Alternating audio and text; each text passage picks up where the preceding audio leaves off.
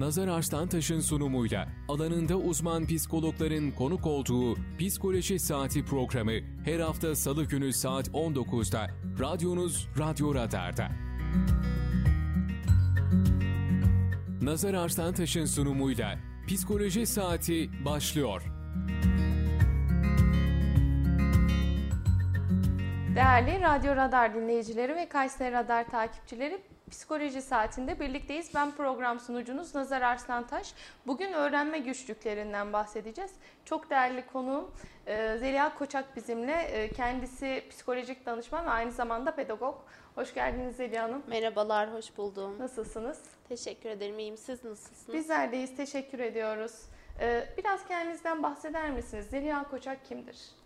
Tabii ki e, ben psikolojik danışman, pedagog Zeliha Koçak, Erciyes Üniversitesi Psikolojik Danışmanlık ve Rehberlik bölümünden mezun oldum. Hı hı. Sarı Psikoloji Danışmanlık Merkezi'nde çocuk ergen biriminde çalışıyorum. Özellikle öğrenme güçlükleri, disleksi, disgrafi, diskalkuli e, ve dikkat eksikliği, hiperaktivite bozukluğu ile çalışıyoruz. Peki biraz da bize çalışmış olduğunuz e, psikoterapi merkezi, Sarı Psikoloji'den bahseder misiniz? Tabii ki. Ee, Sarı Psikoloji 2019 yılında kurulmuş bir e, psikolojik danışmanlık merkezi. Psikolojik danışmanlığın yanında eğitimler veriyoruz, psikoloji eğitimleri.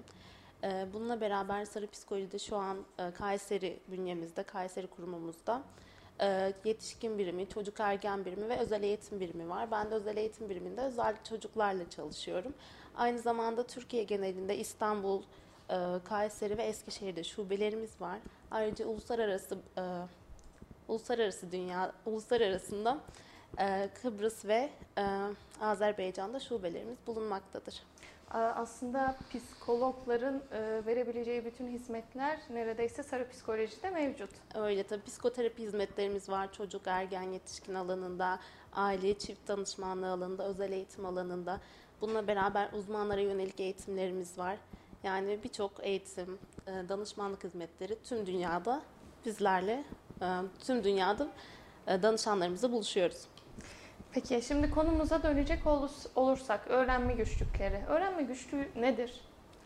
öğrenme güçlüğü okuma, anlama, konuşma, matematiksel işlemler, aritmetik işlemlerde, yazılı becerilerde güçlüktür. öğrenme güçlüğü nöro gelişimsel bir bozukluktur bu şekilde. Ayrıca öğrenme güçlüğünün üç farklı türü vardır. Disleksi, okuma güçlüğü, disgrafi, yazma güçlüğü ve diskalkülü, matematik güçlüğü. Biz en çok dis, disleksi ile ilgileniyoruz. Bizim kurumumuza da en çok disleksi ile ilgili disleksi tanılı çocuklarımız geliyor. E, o zaman disleksi üzerinden devam edeceğiz sanırım. Aynen en çok disleksi görüyoruz. Peki disleksi nedir? Disleksi okuma, okuduğunu anlama, e, gibi temel becerilerde güçlük yaşamasıdır çocuğun. Evet. Disleksili bireyler, disleksili çocuklar e, ortalama zeka düzeyine sahip olsalar bile akıcı konuşma, e, akıcı okuma, e, hızlı okuma gibi e, temel becerilerde güçlük yaşayabilirler. Peki, buyurun. e, disleksili bireyler hani e, hecelerin, e, kelimelerin hecelerden oluştuğunu, fonemlerden oluştuğunu tam olarak kavrayamadıkları için heceleri birleştirip kelimeler oluşturma gibi temel becerileri e, gerçekleştirmede güçlük yaşayabiliyorlar. Peki bu genetik bir rahatsızlık mı? E, genetik boyutu da var. Evet, e, disteksi nörogelişimsel bir bozukluk söylemiştim. Beynimizin sol hemisferinin farklı çalışmasından dolayı oluşuyor. Tabii ki genetik faktörü de var.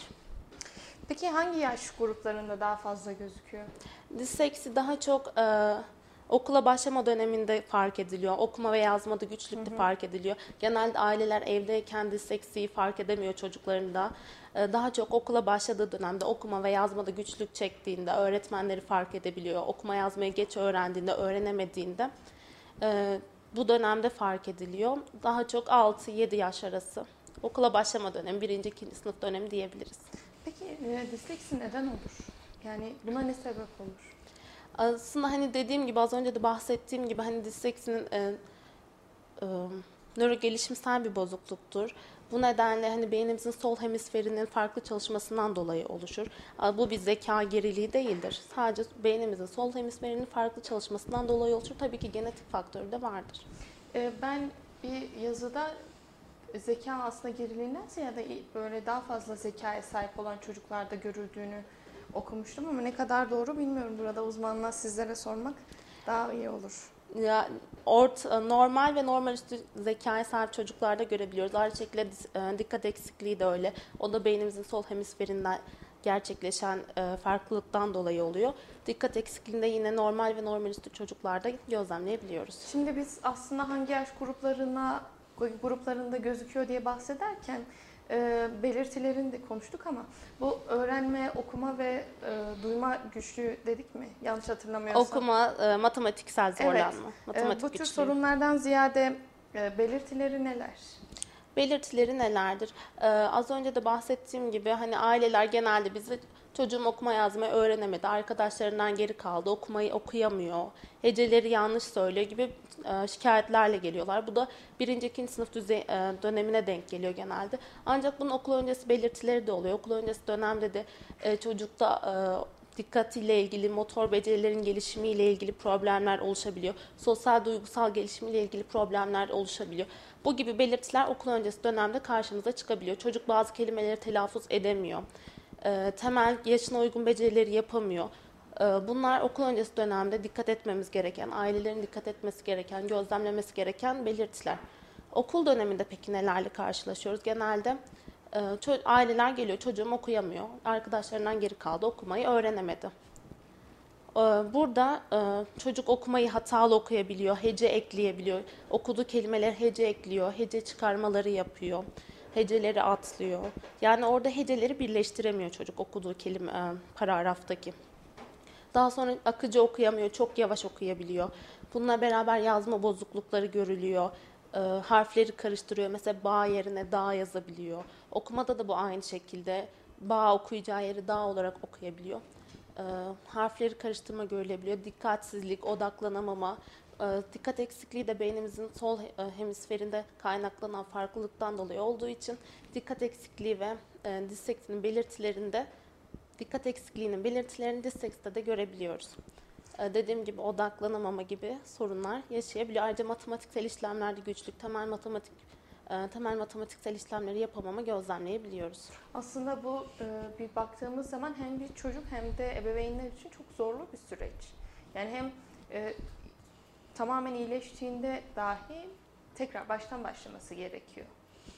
Ee, şu, evet sürekli hani üzerine durulması, çalışılması gereken bir süreç. Aslında birazdan da bahsedeceğim disleksinin çözümü eğitim. Sürekli bir eğitim, e, doğru bir eğitim alınması gerekiyor. Eğitimle de gerçekten güzel sonuçlar alıyoruz. Evet zorlu bir süreç ama güzel sonuçlar alıyoruz. Peki e, bunun tanımı, yani bir çocuğa disleksi tanımı nasıl konur? Hangi testlerle konur? Disleksinin tanımını biz e, nasıl koyuyoruz? Disleksinin ile ilgili SOBAT testi yapıyoruz kurumumuzda. SOBAT 7-14 yaş arası çocuklarda akıcı okuma akıcı okumayı ölçüyor. Klasik bir okuma testidir. Ee, yani kitap mı okutuyoruz çocuğa biraz daha halk diliyle konuşacak olursak? Kitap okutuyor gibi değil ama burada da yine okuma parçalarımız var Sobat'ta da. Çocuk ok, okuma parçalarını okuyor. E, kolaydan zora doğru giden o okuma parçalarını kaç hata yaptı, hangileri doğru, mesela hangilerini doğru okudu, yanlış okudu, e, cümle kelime eklediği oldu mu, hece eklediği oldu mu, kelimeleri atladı mı? Bu gibi şeylere bakıyoruz. E, çocuğa okutuyoruz. Bununla ilgili işte bir formumuz var. Çocuk kaç tanesine hata yaptı, kaç tanesine doğru yaptı. Bununla beraber çocuğun e, okuma becerisine göre yaşını ve sınıf düzeyini görüyoruz. Örneğin e, 12 yaşında bir çocuğun okuma becerisi 8 yaşındaki bir çocuk o çocuğun okuma becerisi gibi çıkabilir bu test sonucunda.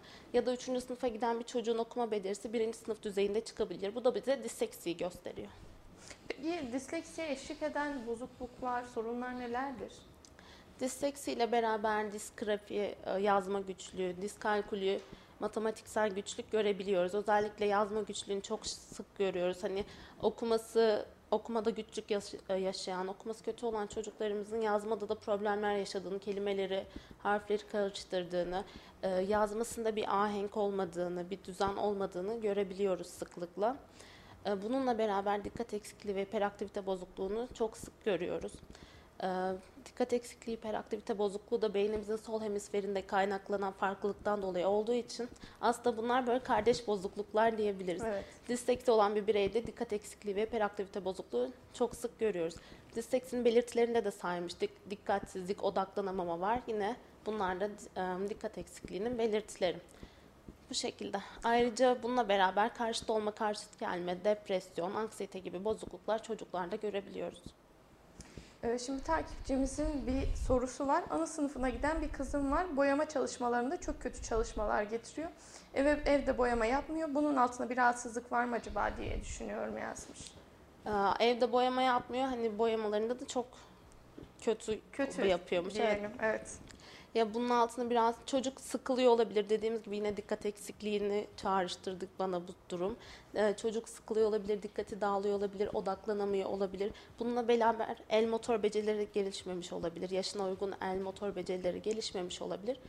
Bununla ilgili aslında bir, bir test yaptırmanızı öneririm dikkat eksikliği ile ilgili. İlgisi olmayabilir. Ee, bu testler için ya da e, sorununuza daha net cevap verebilmemiz için Sarı Psikoloji Kliniğini de ziyaret edebilirsiniz diyelim. Peki e, siz neler yapıyorsunuz disleksiyle karşılaştığınız zaman? Biz neler yapıyoruz disleksi ile ilgili? Ee, disleksi de çocuğumuz kurumumuza geliyor. Öncelikle ona az önce bahsettiğim sobat testimizi yapıyoruz. Okuma hızı, e, becerisini ölçüyoruz. Burada hızı, kelimeleri atlayıp atlayamaması, nasıl okuduğu. Burada birçok okuma ile ilgili beceri ölçülüyor bu testle. Bu test ile beraber her gelen çocuğumuza dikkat eksikliği testi de yapıyoruz. Ee, dikkat eksikliği de bahsettiğim gibi e, disleksiye eş, tanı, eş tanılığı yanında çok fazla gördüğümüz bir bozukluk olduğu için her çocuğumuzda dikkat eksikliği var mı yok mu varsa düzey nedir diye dikkat eksikliği testi de yapıyoruz. Bu testler e, bu te- testler sentezlenerek çocuğumuza uygun özel eğitim programı hazırlanıyor. Biz bir eğitim programını her çocuğumuza uygulamıyoruz. Her çocuğun e, gereklilikleri, e, becerileri farklı olduğu için her çocuğumuza farklı bir özel eğitim programı hazırlıyoruz. E, Bu özel eğitim programlarımız 60 seans ya da 30 seanslık oluyor. Bu çocuğun yine dediğim gibi bireysel farklılıklarına göre değişiyor. Yani tamamen kurtul kurtarılması mümkün mü diyelim? Yoksa e, ilerleyen süreçte de sadece bu azalıyor mu yoksa e, tamamen bitiyor mu? Bu bozukluk. Bu bozukluk tamamen bitiyor. Şu şekilde hani bu bozukluğun başka bir çözümü yok. D- Disleksinin çözümü eğitim. İlaç tedavisi mümkün mü? Hayır. Dislekside ilacı alayım, tedavi olayım gibi bir durum söz konusu değil. Disleksinin e, e- çözümü eğitimdir. Biz de orada dediğim gibi 30 seanslık, 60 seanslık eğitim programlarımızı hazırlıyoruz. Çocuğumuza bunu uyguluyoruz. Mutlaka gelişim gösteriyor. Çocuklarımız okuması gayet iyi oluyor. Mesela okuma, e, disleksi, okuma bozukluğu, disgrafi, yazma bozukluğuna göre daha çok ilerlediğimiz, daha çabuk ilerlediğimiz bir alan. Burada tabii ki hani tamamen bitiyor mu noktası çocuğun durumuna göre, hangi kaç yaşında geldi ona göre değişmekte. Erken tanı burada da çok önemli. Erken Evet. tanı ve tedavi. E, 7 yaşına gelen bir çocuğun gelişimiyle 13 yaşına gelen bir çocuğun gelişimi maalesef aynı olmuyor. O yüzden erken tanı ve tedavi bu noktada da çok önemli. Aslında burada da e, büyük görevler öğretmenlere düşüyor. Çünkü e, ebeveynler, aileler e, her ne kadar olsa da evde bunu fark etmiyor, göremiyor olabilirler ama öğretmen aynı şekilde olmayacaktır. E, sonuçta bunu ona öğreten kişi de o aslında. E, öğretmenlerimizin de e, bu konuyla alakalı akabinde birazcık bilgilendirilmesi gerekiyor. Evet tabii ki hani dediğim gibi öğretmenler okul görevinde bunu fark edebiliyorlar. Aileler evde fark edemiyor çünkü hani her aile çocuğuyla yeterince ilgilenemeyebiliyor. Onun motor gelişimine e, sürekli evde destek olamayabiliyor ama aile okumaya e, okul okuma yazma noktasında öğretmen destek oluyor, görüyor, gözlemliyor. Burada öğretmenlerimizin gözlemi ve yönlendirmesi çok önemli gerçekten. Ee, Şimdi hem bir sorumuz hem de bir e, yorumumuz var. Radyo Radar ekibine ve Zeliha Koçak Hanım'a verdiği faydalı bilgilerden dolayı teşekkür ederiz demiş e, Serkan Bey. Biz de ona buradan teşekkürlerimizi sunalım. Teşekkürler. E, Bir de sorumuz var. 4 ve 6 yaş gruplarındaki konuşma bozukluğu tek başına disleksi tanısı için yeterli mi denilmiş? 4 ve 6 yaş grubundaki konuşma bozukluğu tek başına disleksi tanısı için tabii ki yeterli değil. Ee, Yani burada hani birçok belirti saydık. Bu belirtilerin sadece biri birkaçının olması tamamen disleksi tanısı için tabii ki yeter değil. Dil ve konuşma terapisine gidebilir. Dediğim gibi yine psikolog, e, psikolog desteği, pedagog desteği alabilir beyefendi. Ama sadece bu belirtinin olması e, diyemeyiz. Peki ileriki yaşlarda görülür mü? Şimdi biz bahsettik ama işte okul çağına yeni başlayan ya da ilkokul çağındaki çocuklardan bahsettik.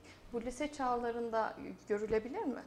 Ya evet tabii ki hani bu ilkokul çağında başlıyor çocuk okuyamam hani heceleri birleştiremiyor, Hı hı. kelimeleri oluşturamıyor, düzgün okuyamıyor. Evet bu o zaman tedavi edilmezse uygun eğitim programıyla e, çocuğa yaklaşılmazsa özel eğitim programıyla bu tedavi edilmezse ilerleyen dönemlerde de bunu görebiliyoruz. Her zaman e, okumasında bir bozukluk, hatalar, kelime ekleme, e, hece ekleme olabiliyor. Ee, Dediğim gibi bu noktada da yine erken tanı, erken tedavi çocuğumuzun ilk bunları gözlemlediğimiz anlarda tanı ve tedavi için uygun uzmana başvurmamız gerekiyor. İlerleyen dönemlerde, lise döneminde hatta hani çalışma hayatına başlamış insan, insanlarda bile bunu gözlemleyebiliyoruz. Yani bir çocuk kadar çok olmasa da bu aslında ömür boyu devam eden bir süreç. Şimdi şöyle 6 yaşında ya da o okula başlama çağında ebeveyn fark edememiş. Aslında Hı hı. böyle bir bozukluğu, böyle bir sorunun olduğunu çocuğun. Çocuk işte bu lise, üniversite çalışma hayatına başladığı dönemde e, kendi aslında bende bir sorun var diyebilmiş ama bu kendi tanısını nasıl koyabilir? Ya bende bu sorun var nasıl diyebilir? Neler belirtile, be- belirtileridir bunun? E, Çocuklarda olduğu gibi yetişkinlerde de yine aynı şekilde e, heceleri atlama, hece ekleme, okuyamama, böyle akıcı ve güzel okuyamama. Şimdi siz e, akıcı ve güzel okuyabiliyorsunuzdur bir kitap okuduğumuzda bunu fark edebiliriz akıcı ve güzel. E, yetişkinlerde de bu hani bir kitap okuduğunda herhangi bir şey okuduğunda hani sosyal hayattayız bir şeyler okumamız gerekiyor, çalışıyoruz. E, Bunları okuduğumuzda akıcı ve güzel okuyamamadan bunu fark edebiliyor. Harfleri karıştırma yine aynı şekilde yetişkinlerde de görebiliyoruz. B ve D harflerini karıştırma. Hatta böyle bir danışanımız da hani o kurumumuzu aramıştı. Yetişkin bir birey ancak hani disleksisi olduğunu yeni fark etmiş. Küçükken ailesi bu durumda ilgilenmemiş, bir öğretmen olmamış yönlendiren. Kurumumuz aramıştı hani disleksi ile ilgili eğitimimizle ilgili bilgi almıştı. Yani Evet. sonradan fark edilebiliyor. Bireyler sonradan kendileri için böyle bir iyilik yapabiliyor. Ee, peki tedavi sonrası kalıcı hasar bırakıyor mu? Yani bu tedaviyi yaptık biz ama hala böyle bir sorunumuz var ya da bunun yanında şöyle bir sorunumuz oluştu denilebiliyor mu? Yani tedavimiz tabii ki kalıcı hasar bırakmıyor. Çünkü bizim tedavimiz eğitim. Hiçbir ilaç kullanmıyoruz. Şöyle tedavi değil aslında kalıcı hasar bırakan rahatsızlık. Yani temelinde yatan o sorun e, hala aynı bozukluklarda değil de yan etkileri olarak devam ettiği oluyor mu? Ee, bu da hani bahsettiğim gibi biz 60 seanslık, 30 seanslık e, programlarımız var. Her çocuğa özel, her bireye özel bunu uyguluyoruz, yapıyoruz. Dikkat eksikliği olana yine dikkat eksikliği e, ile ilgili etkinlikler ekliyoruz. Disgrafi olana disgrafi ile ilgili etkinlikler ekliyoruz. Diskalkülüye, matematikle ilgili etkinlikler ekliyoruz. Her bireye özgü bir program hazırlıyoruz. Bunu uyguluyoruz. Bunun sonucunda bireyde tabii ki yüzde yüz geçiyor tamam artık disleksi bitti tamamen böyle bir şey söylememiz mümkün değil. Dediğim gibi 13 yaşındaki bir bireyle e, başlamamızla 7 yaşındaki bir bireyle başlayıp süreci ilerletmemiz farklı. E, Ama çok faydalarını görüyoruz. Bununla beraber hani bir yan etkisi, bir olumsuz bir durum karşılaştığımız olmadı. Şimdi tekrardan yorumlara dönmek zorunda kaldım. Tabii ki. Öncelikle İrem Hanım bilgilendirmeler için teşekkür ederiz. İyi yayınlar Zeliha Hanım demiş. Ee, bir kişi daha var ama ismini tam net okuyamadım şu an biraz karışık. Bu bilgilendirme için teşekkürler. Yardımcı oldunuz oldukça demiş. Bir de sorumuz var. Disleksi aslında buna yanıt verdik ama sanırım e, takipçimiz o sırada e, izlemiyordu, Yeni yayında girmiş değildi. olabilir yayına. evet. Disleksi, disleksi genetik olarak çocukta aktarılıyor mu? Veya disleksi geni taşıyıcılığı mümkün mü demiş. Evet disleksinin genetik boyutu da var ama illa benim annemde babamda var da ben de disleksi olmak durumunda değil. Evet genetik boyutu da var ama beynimizin sol hemisferindeki farklı çalışmalardan dolayı, farklı çalışmadan dolayı disleksi gerçekleşebiliyor. Peki e, Zeliha Hanım disleksi olan çocuklarda hangi becerilerini geliştiriyorsunuz? Disleksi olan çocuklarda eğitim programımızla beraber e, ardıl işlem becerisi, görsel algı becerisi, e, sözel muhakeme becerisini geliştiriyoruz. Aynı zamanda yazılı yazma becerilerini, okuma becerisini, fenolojik becerileri, hecelerle kelimeleri kurmayla ilgili becerileri birçok becerileri geliştiriyoruz. Bununla beraber dikkat eksikliği de eklediğimizde odaklanma becerilerini, konsantrasyon becerilerini e, gibi becerileri geliştiriyoruz. Peki biraz bu eğitim sürecinden bahsedecek olursak şimdi siz e, 30 seans veya 60 seans Hı hı. arasında değişiyor dediniz. Ayda kaç kere seans yapıyorsunuz? Seanslarınızda nasıl başlıyorsunuz seanslarınıza? Mesela ilk 5 seansı nasıl geçiyor diyelim. Ee, bahsedelim bunlardan. Örneğin dislekside yine genelde disleksi testimizi yaptıktan sonra dikkat eksikliği ve hiperaktivite bozukluğu testimizi de yapıyoruz. Bu test sonucunda dikkat eksikliği ne oranda çıkmış, hiperaktivite, zamanlama, dürtüsellik, dikkat bu gibi alanlara bakıyoruz. Ee, bunlardan hangisi yoğun çıktıysa, hangisinin üzerinde çalışmamız gerekiyorsa eğitim programımıza ekliyoruz. 60 seanslık bir programımızda disleksi, ağırlıklı dikkat eksikliği e, etkinliklerinin de olduğu bir program oluyor. Aslında çok da keyifli geçiyor. Ben de çok keyif alıyorum çalışırken. İlk 5 seansımız aslında burada çocukla ilişki, çocukla kurulan ilişki de iyileştiriyor. O çocukla iyi ilişkiler kurmak, orada bir otorite değil de bir belki etkinlik ablası gibi olmak. Ben benimle tanışan çocuklar ben burada etkinlik ablasıyım. Seninle etkinlikler yapacağız diyorum. Hani bu şekilde yaklaşmak çocuklarda iyileştirici oluyor. iyi bir izlenim bırakıyor. Çocuk orayı sevdiğinde hani keyifli geliyor. Çünkü ben orada ne yapıyorum? İşte okuma yaptırıyorum. Hecelerden başlıyoruz. Aslında ben de orada bir öğretici rolündeyim ama bunu daha keyifli hale getirmek istiyorum. Çocuk bunları okulda da yapıyor. Okulda yapamadığı için artık hani e, sıkılıyor, bunalıyor, böyle okula gitmek istemiyor, sevmiyor. Yani çocuk okuyamıyor, okumayı da sevmiyor.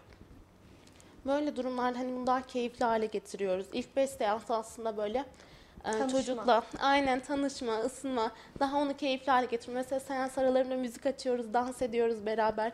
E, bir kitap okuduğunda mesela kitap ben her seans sonrasında çocuklara ince kitap veriyorum. E, bir kitap okumasını istiyorum. Bunu bana anlatır mısın diyorum. Kitabı anlatıyor. Bazen kitabı canlandırıyoruz. Ya zaten çocuk kitapları da çok keyifli oluyor. Onlar da okuyor. E, ilişki kurulduktan sonra sürecimiz çok güzel gidiyor. Dikkat etkinliklerimiz çok keyifli oluyor. Denge tahtamız var, onunla yapıyoruz, müzikler açıyoruz. E, dis, e, disleksiyle e, dikkat eksikliğinin beraber çalıştığımızda çocuklar keyif alıyor. İkisini harmanlayarak çalışıyoruz. Hani 3 seans onu çalışayım, 5 seans bunu gibi değil de seans içerisinde disleksi etkinlikleri de yapıyoruz. Dikkat eksikliği etkinlikleri de yapıyoruz. Bu biraz da e, çocuğa göre, sürece göre değişiyor. Bazı çocuklar disleksi etkinliklerinden çabuk sıkılabiliyor. Hani böyle sıkıldığını hissettiğimde hadi dikkat eksikliği etkinliğine geçiyoruz. Daha keyifli oluyor. Müzik açıyoruz, dans ediyoruz. Çok keyifli geçiyor. Peki bu eğitim sürecinde, e, özel eğitim sürecinde diyelim, e, çocuk normal okuluna devam edebiliyor mu? Oradaki sorun ne yönde oluyor peki? Evet, o normal okuluna da devam ediyorlar aynı şekilde. Biz burada hani destek eğitim veriyoruz. Tabii ki çocuk normal okuluna devam ediyor. Biz burada hani e, sürelerini de sormuştunuz. Biz haftada iki gün, ikişer saat şeklinde gelmelerini istiyoruz. 60 seanslık bir eğitim programında. 30 seanslık bir eğitim programında da hafta, haftada bir kere iki saat gelmelerini istiyoruz. Hani bu daha çok özel ders gibi, destek eğitim gibi. Çocuklarımız tabii ki yine okullarına devam ediyor. Hatta öğretmenleriyle iletişim halinde kaldıklarımız var. Bu şekilde hani öğretmen, psikolog, aile, üçlü ilişki noktasında ilerliyoruz ve daha keyifli oluyor. Ee, aslında ne, ne kadar baksak böyle yarım yıllık bir e, özel eğitim evet. sürecine tekamül 4 ediyor. 4 ay kadar sürüyor. Evet. Ee, peki öğretmenler sınıf içerisinde neler yapabilir? Öğretmenlerimize bu noktada şunlardan bahsedebiliriz. Yani e, öğrencilerimiz okuma, e, yazmada güçlük çekiyorlar. Ee, bu öğrenciler hadi oku, yaz, hadi yazmalısın, oku, şunu yap, çok ödev verme gibi durumlar olduğunda öğrenciler bıkabiliyor, sıkılabiliyor, okula karşı e, korku, gitmek istememek gibi durumlar gösterebiliyorlar. Ee, bunun için öğretmenlerimizden sabır bekliyorum. Ee, bunu şeye benzetebiliriz aslında. Araba kullanmak gibi. Araba kullanmaya çalışıyorum ama ayağım pedala yetmiyor. Ben illa kullanacağım diye kendimi zorluyorum. Ama kullanamam çünkü ayağım şeye yetmiyor yani e, gaza, frene. Bununla ilgili e, buradaki öğrencilerin de ayakları daha gaza, frene yetmiyor. Onların ilk önce hecelerden başlaması gerekiyor. Heceleri birleştirerek kelime oluşturmaları gerekiyor. Yani onların diğer öğrencilerden farklı olarak daha farklı bir süreçleri var. İlk önce o çocukların büyümesi gerekiyor. Bunları öğrenmesi gerekiyor. Daha sonra okuma ve yazma becerilerini tabii ki gerçekleştirecekler. Bu noktada öğretmenlerimizden sabır bekliyorum. Aynı zamanda e, öğrencilerimize karşı sınıf içerisinde daha net, anlaşılır, kısa talimatlar vermeleri öğrencilerin anlaması ve yapması açısından daha kolay olacaktır. E, bununla beraber e, o disleksili bireylerimiz, öğrencilerimiz daha çok hani yazma ve e, okuma noktasında sorun yaşadıkları için sınavlarda da sorunlar yaşayabiliyor. Öğrencilerimiz hani bana bahsediyor. Öğretmenim şu sınavı yapamadım, işte okuyamadım, geç kaldım. Hani çünkü geç okuyorlar. Ee, öyle öğrencilerimiz için daha çok test sınavının yapılması ya da sözlü sınavların yapılması bilgilerinin ölçülmesi için daha e, sağlıklı olabiliyor. Peki şimdi Zeliha Hanım aslında çocuğun bunu bilmesi lazım. Yani benim ben, bende bir sorun var çözemediğimiz. Şimdi öğretmen sınıf içerisinde o çocuğa biraz daha farklı davrandığı zaman e, otomatik çocuk da rahatsızlık duyacak. Bana niye böyle davranıyor diye. Peki çocuğu bu durumla barıştırma diyelim. Bu durumla barıştırma süreci nasıl ilerliyor? Çocuk bunu nasıl kabulleniyor? Hani çocuk tabii ki bu durumun farkında oluyor. Çünkü diğer arkadaşları daha iyi okuyor. Mesela 3. sınıfa geçmiş bir birey diğer arkadaşları daha iyi okuyor. Kendisi daha az okuyabiliyor. E, Bunu o süreci konuşuyoruz. Bak hani e, okuma düzeyimiz böyle. Arkadaşların nasıl okuyor? Kendisi aslında bunu anlatıyor. Arkadaşlarım daha iyi okuyor. Onlar şöyle yapıyor, böyle yapıyor. Sınıfta arkadaşlarım daha iyi okuyor ve yazıyor. Benim yazım kötü falan diyenler oluyor. Bununla ilgili hayır senin yazın kötü değil, daha iyi geliştireceğiz. Burada bunun için buradayız. Neden burada olduğunu da çocuğun yaşına göre anlatıyoruz. Hani 3. sınıfa geçmiş, 2. sınıfa geçmiş bir çocuk da bunun için anlatıyoruz. Senin yazın daha güzel olabilmesi için buradayız. Çocuklar zaten bunun farkında geliyor. Senin okumanın daha iyi olması için buradayız. Buradan çıktığında çok güzel okuyacaksın falan gibi. E, bunu anlatıyoruz çocuklarımıza. Peki e, ebeveynler bu durumda ne yapmalı? Disleksili bir çocuğa sahip olan ebeveynler. Disleksili bir çocuğa sahip olan ebeveynlerden yine aynı şekilde sabır ve anlayış bekliyorum. Ee, bu zorlu bir süreç. Ebeveyn olmak, anne baba olmak, evlat yetiştirmek gerçekten zorlu bir süreç. Mükemmel ebeveynlik yoktur tabii ki. Herkes elinden gelen en iyisini yapmaya çalışıyor. Evlatlarımıza karşı sabırlı olmanızı bekliyorum. Bir uzman desteği almanızı kesinlikle öneriyorum. Az önce de bahsettiğimiz gibi erken tanı, tedavi çok önemli bu noktada. Ee, okul öncesi dönemden beri e, çocuklarımızın e, gözlemlemek, onun bir motor gelişimini, bir sosyal duygusal gelişimini gözlemlemek çok önemli. 5 yaşında bir çocuk arkadaşlık kurabiliyor mu? Bir düğmesini ilikleyebiliyor mu? Bunları gözlemlemek, bir kalem tutabiliyor. Mesela resim yapma. Az önce gelen soruda e, Serdar Bey'di sanırım. Yok Göz- e, Arife Hanım. Arife Hanım pardon evet resim yapamıyor gibi. Evet e, o çocuğunu gözlemlemiş hani bize sormuş bu gerçekten çok değerli. Hani bu şekilde çocuğunuzu gözlemlemeniz küçük yaşlardan bunun için erken tanı ve tedavi için bir uzmana başvurmanız e, bence çok gayet önemli.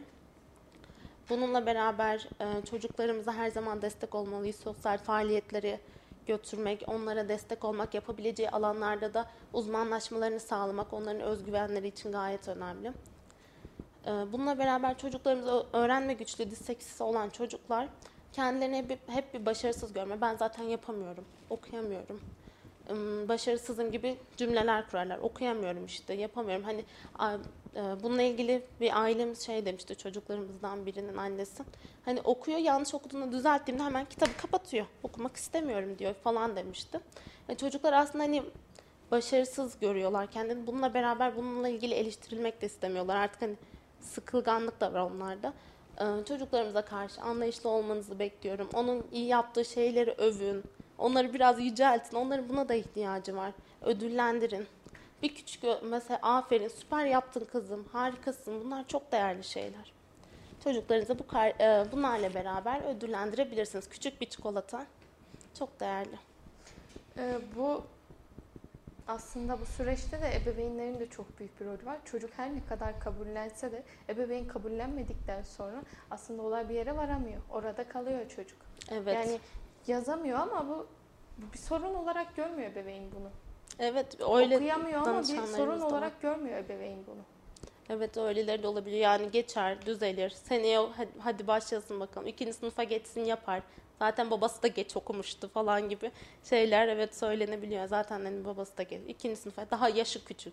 Okula ya- küçük başladı o yüzden de okuyamıyor falan gibi. Öğretmeni değişti. Evet öğretmeni öğretmeni iyi değildir falan gibi. Yani hani çocuklar ebeveynler çocuklarına kondurmak istemiyor bazen hani nasıl olsun olamaz benim çocuğum da benim çocuğum çok akıllı. Evet sizin çocuğunuz çok akıllı. Zaten disleksili çocuklarımızın hepsi o e, normal ve normal üstü zekaya sahip. Yani disleksi bir zeka geriliği değil.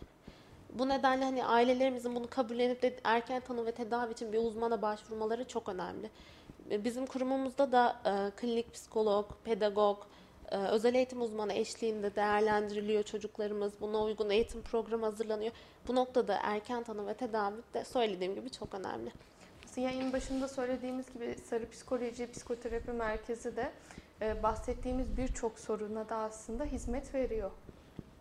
Evet. Disleksi, işte öğrenme güçlükleri. Öyle tabii. Bununla alakalı size o uzmanlardan e, birisiniz.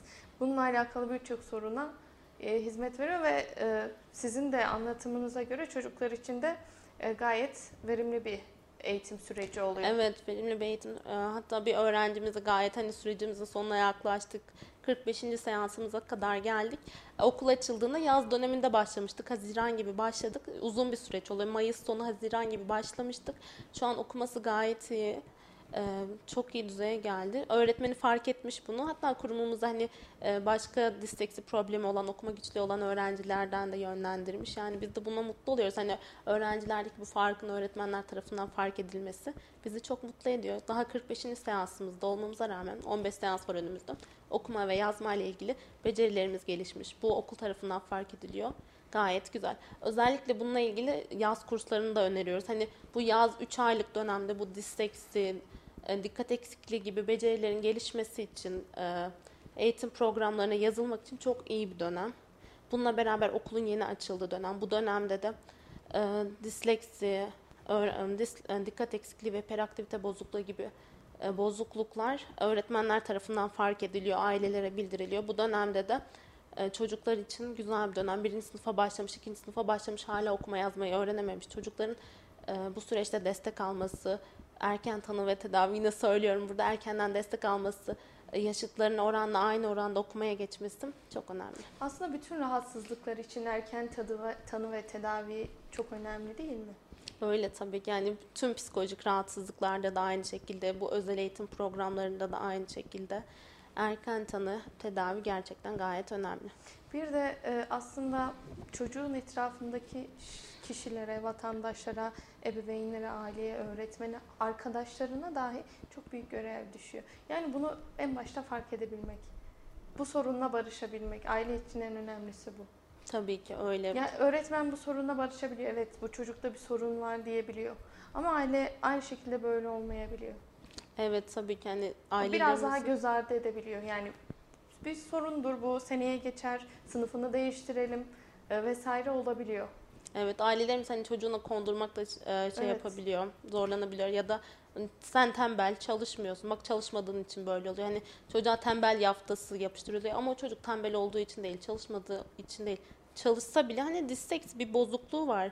E, beyinden gelen, beynin sol hemisferinden gelen bir bozukluğu var. O çocuk çalışsa da olmuyor.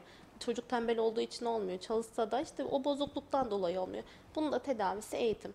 Ee, çocuğa özel hazırlanmış eğitim programıyla gayet de güzel oluyor sonrasında. Peki şimdi eğitim programınızı tekrar dönmek istiyorum. Şimdi Hı hı. okul zaten çocuklar bu güçlükleri nedeniyle hem okula gitmek istemiyor hem de evde zaten verilen ödevleri okumayı yazmayı yapmak istemiyor. Yani az evvelki bahsettiğiniz sorun gibi yanlış okuduğu zaman kitabı kapatıyor. Evet. Peki size nasıl gelmeyi ikna edebiliyorsunuz çocukları?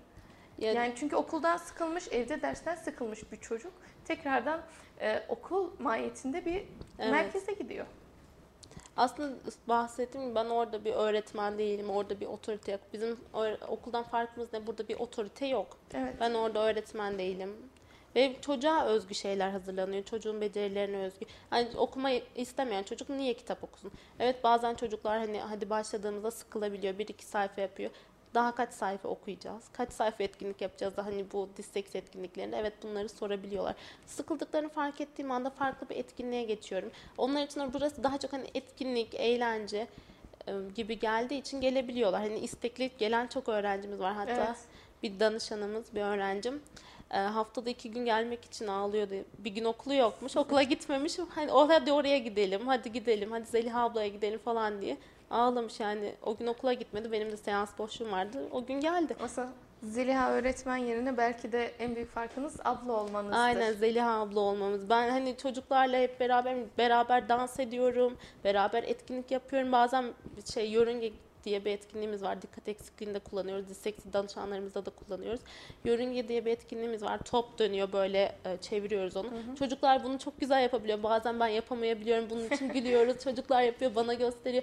Denge tahtamız var. Ben mesela denge tahtasında çok zor duruyorum. Hani tam duramıyorum. Çocuklar denge tahtasında duruyor. Hatta kitap okuyor denge tahtasında. Aslında bu kitap okuma işini onlar için eğlenceli ve keyifli hale getiriyoruz.